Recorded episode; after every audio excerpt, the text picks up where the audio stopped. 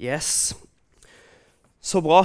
Du, jeg må Før vi begynner, vi skal snakke om seirende tro i dag. og Overskrifta er 'Å grave grøfter'. For det er kult. Eller det er iallfall noe vi gjør av og til. Unni rista på hodet sa 'grave grøfter', at det var kult. Men det er greit, men før det så må jeg komme med en bekjennelse. Eller ikke en bekjennelse, det er mer en innrømmelse.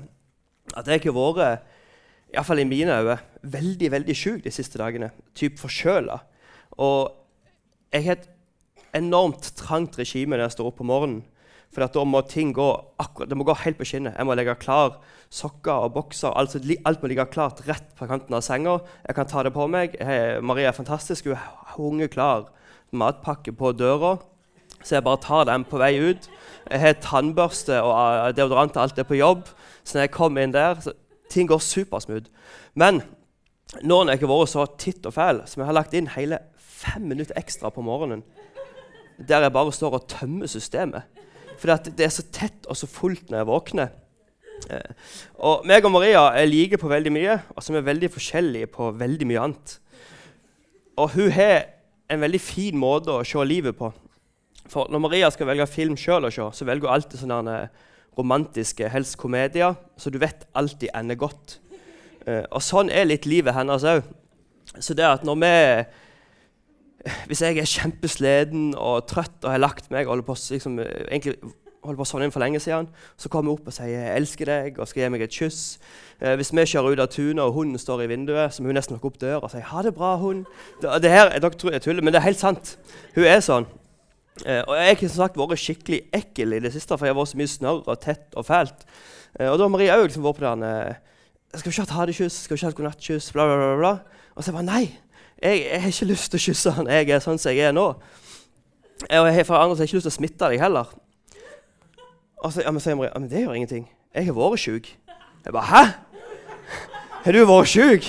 Her har jeg ligget strakt ut i flere dager. og altså, det, Jeg har ikke merka at du har vært sjuk engang. Så vi mannfolk, det er kanskje sant at vi blir mye sjukere enn vanlig. Eh, eller enn det dere damer gjør. Og det må dere tenke på Men en tanke som jeg tenkte veldig mye når jeg er syk, og jeg tenker den egentlig ellers òg veldig ofte, det er det at åh, hvis jeg bare hadde vært frisk og det jeg har tenkt, åh, Hvis jeg bare ikke hadde svidd når jeg svelget nå, da hadde livet vært veldig mye bedre. Eller hvis jeg kunne stått opp om morgenen og ikke stått opp på en måte tømt for alt mulig slags skugger i fem minutter, da hadde livet vært bra. Eller hvis jeg bare hadde hatt det, hvis jeg bare hadde hatt det sånn, hvis jeg bare hadde hatt mer tid, hvis jeg bare hadde hatt mer penger, hvis jeg bare hadde blitt helbreda for dette, eh, hvis jeg bare hadde fått en jobb, hvis jeg bare hadde fått svar på det bønnesvaret Vi mennesker har en tendens til veldig ofte stiller dere sånne spørsmål hvis jeg bare hadde, eh, hvis jeg bare hadde hatt det. Eh, og jeg har ikke lyst For det, den vi sparer, den går veldig ofte på, på en måte vårt behov hva vi trenger, hva vi ser for oss. Jeg har lyst til å gå gjennom en bibelhistorie i dag, i andre kongebok. Eh, og jeg har lyst til at Vi skal se den litt i lyset av vårt sterkeste behov, eller vårt største behov. Vårt hvis bare. Og så kan det være at noen kanskje trykker noen litt på tærne, og så går det fint. Eh, at en må gjerne endre litt på hva er mine behov, hva er på en måte min hvis bare i livet. Kanskje noen får en eh, for å åpne opp øynene og se at oh ja, men hvis jeg bare gjør sånn istedenfor hvis bare tenker sånn, eh, så kan det være meg og Gud finne ut noe annet. Og For å gi litt kontekst inn i den historien, så er det tre konger som slår seg sammen eh, for å vinne en krig. Og Da blir det tre mot én. Og de tre kongene tenker at vet du hva, nå er vi tre stykk. Dette her, det blir lett. Og de forventer en enkel seier. Men jeg vet ikke hvordan dere er, men jeg har ofte sett for meg at oh, det her, dette kommer til å gå superfort. Jeg skal bare gipse den veggen, og så er jeg ferdig. Og så fem dager senere så står du og holder på med andre plater. Så gikk det ikke sånn som du hadde tenkt. Eller ja, du ser for deg noe, og så blir det ikke sånn som du hadde tenkt. Og Sånn var det for de tre kongene òg. De var tre stykk, tre mot én. Dette her blir lett, men det gjorde de ikke. Og hæren deres endte opp ute i ørkenen sju dager, og så gikk de tom for vann. Alle soldatene, alle dyrene, de holdt på å dø av tust. Eh, og de hadde et spesifikt, stort behov. Eh, og hovedsetningen er at ditt største behov blir ei seirende tru når det driver deg til å være avhengig av Gud. Ditt største behov blir ei seirende tru når det behovet driver deg til å være avhengig av Gud. Andre kongebok 3, 9-12. Uh, Dette er en historie med veldig mye bra, og jeg syns med veldig mye morsomt. Så vi skal ha litt av begge deler nå. Uh, for jeg skal prøve å dere at Bibelen er faktisk, iallfall i mine øyne, veldig gøy. Men der står det Så dro Israelskongen, Judaskongen og Edmoskongen ut sammen. Det er de tre kongene som teamer opp. Men da de hadde vandret i sju dager, var det ikke noe vann igjen til hæren og til dyrene de hadde med seg. Kongen av Israel sa, Å, Herrens vilje, nei, og er Herrens vilje at vi tre konger skal gis til moabittene. Det er den kongen han kjemper mot. Her er jo litt sånn, jeg føler at ofte mennesker kan kjenne noe igjen i. At på en måte, Du går på med noe, du kjører på med noe, og så tenker du at det her fikser jeg sjøl. Og så idet du møter motstand, idet du ikke fikser det sjøl, så bare, å ja, Gud, hvor er han henne? Og litt sånn det med de tre kongene òg. For det neste er, Da sier Josefat, spurte, finnes det ikke en Herrens profet her. De har kjørt seg fast, har ikke noen utvei. Da, ja, stemmer, Gud han er jo òg med i dette her. Så kan vi spørre Herren om råd gjennom han. Da svarte en av tjenerne til Israelkongen. Elisha, Shefats sønn, er her. Det var han som var Elias' tjener. Josefat svarte, han vet sikkert å få råd hos Herren for oss. Så, opp, så oppsøkte de tre kongene Elisha. Og Greia med de tre kongene er at de egentlig ikke var tre konger som på en måte tenkte så mye på Gud. De tjente ikke Gud, de levde ikke etter Gud, de søkte ikke etter Gud. De, ikke, de hadde ikke så mye med Gud å gjøre. Men litt sånn som oss, når de satte seg fast, når de på en måte plutselig Oi, nå, det her klarer jeg ikke sjøl. Så er det sånn Hjelp! Gud! Ja, Gud, han kan vi bruke. Uh, og Elisha han var en profet som hadde gjort mange kule ting. Uh, han delte Jordan i to. Mange tenker at oh, det var bare en Moses som gjorde det. Men nei. Elisha han også delte vann i to. Det var en vannkilde som var forgifta. Den bare gjorde han ikke forgifta ved bare å snakke til han. Og kanskje groteskt, men òg litt rart at dette er i Bibelen. Men det var noen ungdommer som kalte Elisha flintskalla eller skalla eh, flere ganger. Og det han gjorde, var at han sendte to bjørner etter dem. Eh, og vi i denne kirka her er velsigna med mange trussterke karer med lite hår. Men jeg vil bare anbefale folk til å være snille med dem. For plutselig så er det en bjørn veldig nærme. Og det her, det her står i Bibelen. Det er sant. Eh, og det sto at Elisha han var på en måte Elias sin tjener. Han var Elias sin disippel. Og det jeg synes er litt gøy, for Når du leser neste, det som kommer neste nå, så tar Elisha på seg en slags sånn attitude han blir litt sånn der, ok. Og den er han lært av sin eh, læremester, av Elias. For Elias han også hadde en attitude. Han gikk til alle andre profeter på den tida som ikke på en måte priste den samme guden som han. Og så sa han vet du hva, vi er en konkurranse for å se hvem sin gud som er best, eller hvem sin gud som er ekte. Og det var over, jeg tror det var over 400 andre profeter. Så sa han vi slakter en okse, vi lager et bål, og så spør vi til guden vår om han kan fyre opp det bålet. Og vet du hva? Elias er litt sånn som, eller han var litt sånn som jeg av og til når jeg spiller med mine søsken. Ellers tror jeg jeg er nokså ydmyk når jeg spiller spill. men mine søsken da kan jeg være skikkelig ekkel. For han satt liksom med beina i kryss og så på mens de andre profetene holdt på med sitt bål. Eh, og jeg syns det her er veldig løye at det står i Bibelen. For det står at han sa Å ja, kanskje du må rope litt høyere på guden din, for jeg tror ikke han hører deg, for det er ikke noe flamme i det bålet der. Eller Å ja, nei, er guden din på ferie? Ja, ja, for det skjer jo ingenting her, så han må kanskje være på ferie.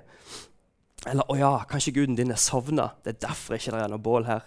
Det, her. det står i Bibelen at Elias disser sine motstandere. Og min favoritt er ah, men du, kanskje guden din bare er på do.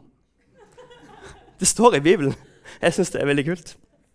Men den attituden den ser vi igjen i Elisha nå, når han på en måte skal snakke med de her kongene. For da sa Elisha til kongen av Israel.: Hvorfor kommer du til meg? Du tror jo ikke på Gud, du tjener jo ikke Gud, du søker jo ikke Gud. Hvorfor kommer du til meg? Eh, og I ungdomsarbeidet nå så er det florert Vi kan diskutere om det er bra eller ikke, men noe som kalles mordivits. Eh, ja, og det må jeg bare være ærlig på. Eh, og det har jeg hatt litt sånn dårlig samvittighet for. For av og til kan jeg være litt pådragsgiver for den. Men nå fikk jeg en åpenbaring. For det at i boka her så står det en, jeg kan ikke gå tilbake til den første mordivitsen ever. Den kommer nå. For da sier Elisha Gå til din fars profet. Og det er greit på den tida, for fedre hadde på en måte veldig mye. Det var liksom det som var fokuset. Men så drar Elisha opp en mordig vits i Gamle testamentet, andre kongebok, 3.13. Eh, og din mors profet. Ja, Det var kanskje jeg som syntes det var mest gøy, men eh, jeg syns det var veldig kult. Eh, og Elisha han har en attitude. Mens kongen av Israel svarte Nei, for Herren har kalt oss tre konger til å gå til krig mot, mot moabittene. Elisha sa, så sant herskerens herre lever, for det er ham jeg er ansvarlig for, så vil jeg ikke så mye som kaste et blikk på dem hvis det ikke var for Josafat, kongen av Juda. Så her får man bekrefte at de her kongene her er egentlig på en måte ikke søkt Gud, ikke tenkt å være med Gud. Men så er det han Josafat som ikke har gjort det Gud vil si, men han har på en måte vist frykt for Gud en gang. Og derfor, greit Eller ikke si ok, greit, jeg, jeg skal fikse dette, jeg kan gå med på det. På grunn av han. Ikke av dere to andre, men på grunn av han.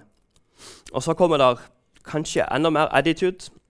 For husk hvor de kongene er henne, med hele sine tropper.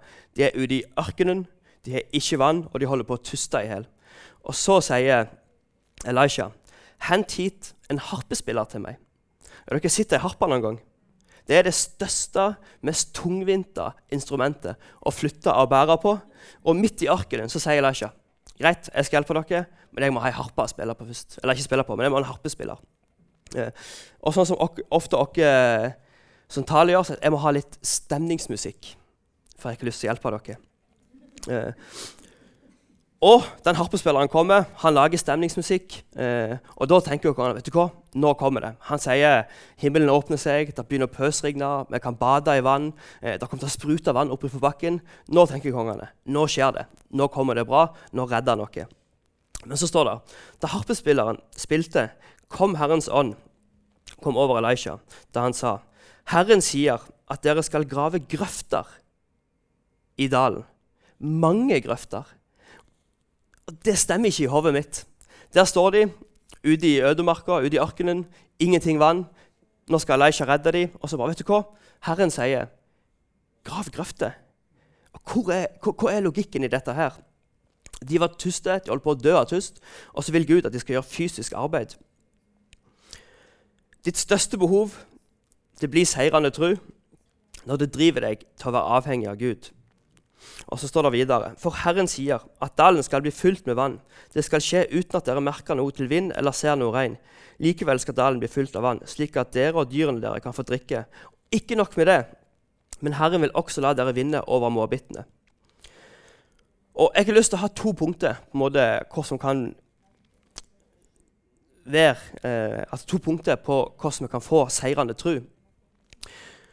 Og Det første punktet det er at bare Gud kan sende vannet. Men noen ganger så vil han at du skal grave ei grøft. Jakob 2,26 står det.: For slik som kroppen er død uten ånd, er også troen død uten handling. Og sånn, Jeg tror ikke at Gud trengte de troppene, trengte de soldatene til å grave de grøftene, til å grave de greiene for at Gud skulle sende vann. Men jeg tror av og til at Gud er litt sånn at vet du hva? Vis meg de tru, så skal jeg vise deg min trufasthet. Og jeg tror mange ganger at Gud vil at vi skal på en måte være delaktige i hans mirakler. Og hvis jeg for tar meg selv at jeg kan sitte ned og så be for noe, og så har jeg bedt for det, så er jeg ferdig. Så er det å vise tro? Eh, hvis du tar det helt tilbake igjen til Peter som gikk på vannet, da viser du tro når du gjør en handling. Eh, og Jesus han gjorde masse av de eksemplene når han gikk rundt. Eh, han møtte en mann eh, som hadde en hånd som på en måte var lam. Og istedenfor bare Jesus' kraft, den helbreda, så på en måte sier han Strekk ut hånda di. Gjør en aktiv handling. Grav ei lita grøft. Vær med på dette miraklet. Eller en som var, var blind. Jesus tok opp noen hjørner, spotta i det, lagde ei gugge, smurte det i øynene. Men han kunne jo bare sagt ta på øynene eller bare sagt i Jesu navn eller med Guds kraft. eller bla bla. Du kan se igjen. Men nei, gå ned i den elva og så vask øynene dine. Eh, gjør noe. Grav ei grøft. Eh, vær med på dette miraklet. En mann som var lam, hadde vært det i dødsmange år. Jesus sier, 'Reis deg opp og ta med senga di.' Gjør en aktiv handling. Og Derfor ble det utrolig fint for meg Helge, når du tok med dattera di opp her. Eh, for det, det, er litt vanskelig for meg å si, men eh, jeg sier det likevel. Men En hører ofte på en måte at oh, jeg skulle ønske at mitt unge eller min ungdom på en måte var nærmere Gud, brukte mer tid med Gud. Eh, og så ber du kanskje om det, men så stopper det der. Men vet du hva? Jeg tror Gud vil at du skal grave ei grøft. Eh, ta den med deg opp på scenen når du lovsynger. Åpne opp Bibelen hjemme. Les litt i Bibelen for dem. Ta dem med når du tjener. Hvis du vil at dine unger skal tjene, ja, så må du tjene sjøl. Du må grave noen grøfter. Kanskje du tenker at oh, du, det er litt trangt økonomisk nå. Uh, du ber til Gud kan du hjelpe meg i den situasjonen. Uh, og så stopper det der. Du graver ikke ei grøft. Uh, du gir ikke tiden. Jeg vet at det på en måte er et veldig merkelig prinsipp at jeg skal gi litt for å få mer. men 90% med Gud er veldig mye bedre enn 100% uten Gud. Av og til så må vi grave noen grøfter. Kanskje det er en relasjon i livet ditt så du på en måte kjenner at åh, jeg skulle bare ønske at dette ordner seg med den personen. Det er så kleint, det er så vanskelig, det er mye ting stiger der bakifra. Vet du hva? Kanskje du er den første som ber om tilgivelse. Kanskje du graver den grøfta eh, og viser. Du viser tro. Eh, ikke bare ber, og så er det ferdig, men du på en måte viser aktiv handling. på Vet du hva, Gud? Jeg tror at meg og deg fikser dette. Jeg begynner, og så kommer du, og så ordner det seg. Gud er den eneste som kan sende av vannet, men av og til så må vi grave noen grøfter. Vis meg din tru, og jeg vil vise deg min trufasthet. Punkt nummer to seirende tro drømmer stort, men er villig til å starte i det små. Uh, og Av og til kan mine drømmer være så små i det store bildet at jeg tipper at de fornærmer Gud litt. Uh, jeg vet ikke hvordan det er med dere, men jeg har en Gud på laget som er allmektig, som er stor. Og Av og til så tror jeg at mine drømmer kan fornærme Gud. Jeg drømmer for smått. Uh, så jeg tror at veldig mange av oss vi drømmer ikke stort nok, for vi har Gud med på laget. Eh, og så tror jeg enda flere ikke er villige til å starte smått nok. Hvordan er det du grave ei grøft? Det er ikke sånn at du bare tar ett spadetak, og så er på en måte hele grøfta gravd opp. Nei, det er små spadetak, spor for spor, eh, som blir ei stor grøft. Og Sånn er det òg med seirende tro. Du kan drømme stort, det tror jeg er viktig, med en stor Gud på laget, men så må vi være villige til å starte i det små.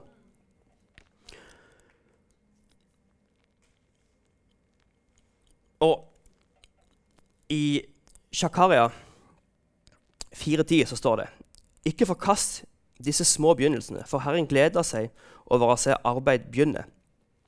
Og jeg hadde en kamerat eh, som var stupt forelska i ei jente eh, som gikk i kirka på Moi. Hun var eh, det er lov til å si superkristen. Eh, og hadde veldig sånn at vet du hva, jeg skal ikke være sammen med noen som ikke tror på Jesus. Eh, og han, Kameraten min han trodde ikke på Jesus i det hele tatt. Men han var bare på en måte det største behovet i hans liv det var å få være sammen med den jenta. Eh, og Han på en måte pusha på og gjorde ting, og så ble de litt sammen. Og så datt de fra hverandre, for det, han trodde egentlig ikke på Gud. Han bare holdt hånda opp på lovsangen fordi han ville vise at han trodde på Gud. Eh, han drømte stort. Han drømte vet du hva, jeg skal gifte meg med henne. Og Jeg snakket med han, og på en måte det var det han sa. vet du hva, jeg skal ha den dama. Så prøvde jeg å liksom komme med noen ting, men han var helt blind. Han så kun hun. Så jeg kunne si at ja, men prøv ikke å ha så mye fokus på hun, prøv å ha fokus på deg. Men det funka ikke. Deg og Jesus, han, han, tenkte jeg må bare være med den dama. Eh. Men så etter hvert, når det var av og på, av og på, av og på, så skjønner han etter hvert vet du hva, jeg må begynne i det små. Eh. Og jeg tror litt uten at han visste det, så begynte han sammen med Gud å grave noen grøfter. Og det var en lang periode der de var av, eh, der han bare gravde grøfter sammen med Jesus. Eh, han var der hun var, for å være med hun, men så opplevde han litt etter litt mer og mer med Jesus. Han så noen ting, han fikk ta del i noen ting. Plutselig så var han med og be for folk. Og etter hvert så ble han den personen den jenta drømte om. Ikke fordi at eh, Nei, det var ikke det jeg skulle si. Ingenting med ikke for det at. Det var ingenting med det å gjøre. Men eh, hans største behov det ble ei seirende tro. For det at, Det var ikke ikke for det at, men det var for det at. Eh, det gjorde at han ble avhengig av Gud. Han så det ikke helt sjøl i starten, men etter hvert så skjedde det et eller annet i hjertet hans. Fordi han tørde å drømme stort. Det gjorde han faktisk uten Gud. Eh, og han er heldig, for han er sammen med ei dame som er veldig mye flottere enn det Ja, samme det. Men han drømte, han drømte veldig stort og var villig til å begynne i det små. Eh, og gjennomgikk Han hadde veldig god tålmodighet, gjennomgikk mye, men dere er med på tanken min. Eh, Og meg personlig òg. Når jeg gikk på videregående, og vi skulle ha framføring på videregående, så tok jeg ut harddisken på PC-en min. Jeg hadde løse skruer der, og så forlaget jeg sånn papir rundt harddisken. Og så satte jeg den inn igjen. For det verste jeg visste i hele mitt liv, det var å snakke foran folk. Og alle lærerne på videregående hadde jo ikke peiling på data. Så når jeg liksom kom, du, PC-en virker ikke, prestasjonen er der, det er blå skjerm. Så bare, gå til han datafyren. Og han brydde seg jo ingenting om noen ting. Uh, så han sa nei, jeg må ha den her i to uker. Og så kom jeg og så bare, ja, jeg, ja dere skjønner. Jeg, jeg, ville absolutt ikke snakke før folk. Men så var det en eller annen tulling som på en måte Du, kan ikke du holde en andakt på det var noe som kaltes Trimmen, en life-gruppa for gutter på lørdager? Kan ikke du holde en andakt der, Sondre? Og det var bare fem stykk. Og jeg sov ingenting to netter før. Jeg visste ikke hva jeg skulle si. Jeg kom der og bare snakket om jeg hadde skutt en fugl med et luftgevær en gang. Ingenting med Jesus, ingenting med noen ting. Eh, men, men, akkurat der så tente det et eller annet i meg. Og vet du hva? Da begynte jeg å drømme om vet du hva? dette her, det skal jeg gjøre. Eh, og jeg maste og maste og maste om på en måte få lov til å ha vitnesbyrd til ungdomsmøte. Og alle ungdomsledere nei, Sondre han slipper vi ikke opp på scenen. Det går ikke. Jeg har hørt hvordan han snakker, jeg har hørt hvordan han er. Det kommer ikke til å skje. Eh, og så når endelig det kom en ny ungdomsleder som ikke kjente meg, så fikk jeg lov til å ha vitnesbyrd. Eh, og det var veldig bra. Men det begynte med tidenes voice-crack. Jeg tipper jeg gikk i 8. eller 9. klasse. Og du vet når guttene hjemme får sånn Det var så høyt, og det varte så lenge. Og når det begynte, så klarte jeg ikke å stoppe det. Uh, så jeg bare gikk ned igjen. Uh, og så måtte de si nei, nei, du kan ikke stoppe med dette her. Du må opp igjen. Uh, og spadetak for spadetak for spadetak, så har meg og Gud fått til et eller annet. og jeg er overbevist om at Eller jeg vet at jeg ikke er der jeg drømmer ennå, sammen med Gud. og jeg vet at det kun er Gud som kommer med vannet, men av og til så må jeg grave noen grøfter. Og andre kongebok 3.20 så står det Morgenen etter, altså Dette er morgenen etter Elisha kommer de ordene. Ofret de til Herren av markens grøde. Da kom plutselig vann ned Edmundselven, og landet ble fylt med vann. Og Kanskje Pæl og Helge jeg vet ikke hvordan dere vil gjøre det. Men nå er jeg litt sånn som Elisha og vil ha litt stemningsmusikk. Eh, så om to eller én, det er det samme for meg. Dere er flinke alle sammen. Eh, og Jeg satt i dag tidlig og tenkte hva vil du egentlig med det her greiene her, Gud? Eh, og jeg tror at det her er to sider av denne talen. Det er én ting side som er veldig praktisk, og det er det at dere må vite at deres største behov kan bli ei seirende tro hvis det driver deg til å være avhengig av Gud. Eh, bare Gud kan komme med vannet, men vi må av og til grave ei grøft. Ikke fordi at Gud ikke får det til uten en grøfta, men fordi at Gud vil at vi skal være med på hans mirakler. Gud vil se vår tro, og så viser han oss sin trufasthet. Seirende tro den drømmer stort. Vi har en stor Gud med på laget. Så ikke fornærm han med små drømmer og enkle ting. Tør å drømme stort og være villig til å starte i det små med små sporetak. Men som jeg sa i dag tidlig, så fikk jeg et spørsmål som jeg tror Gud jeg har lyst til å stille noen her. Eh, og jeg vet ikke om det er noen her som kanskje har misforstått, eller dere ikke så poenget med å grave den grøfta en gang i livet deres, og det førte til at du satt Gud litt på sidelinja. Du er her, du sier at du tror på han, eh, du ber til han av og til, men, men dine største behov på en måte Du sa ikke dem sammen med Gud. Eh, Gud er ikke med i de hverdagslige tingene. Når du sitter og ser eller tenker på dine drømmer, når du ser på dine behov, eh, så ser du ikke Gud med i det. Så er det et superenkelt spørsmål. Og Jeg vet ikke om det er fordi jeg er en veldig enkel person, og Gud snakker enkelt gjennom meg.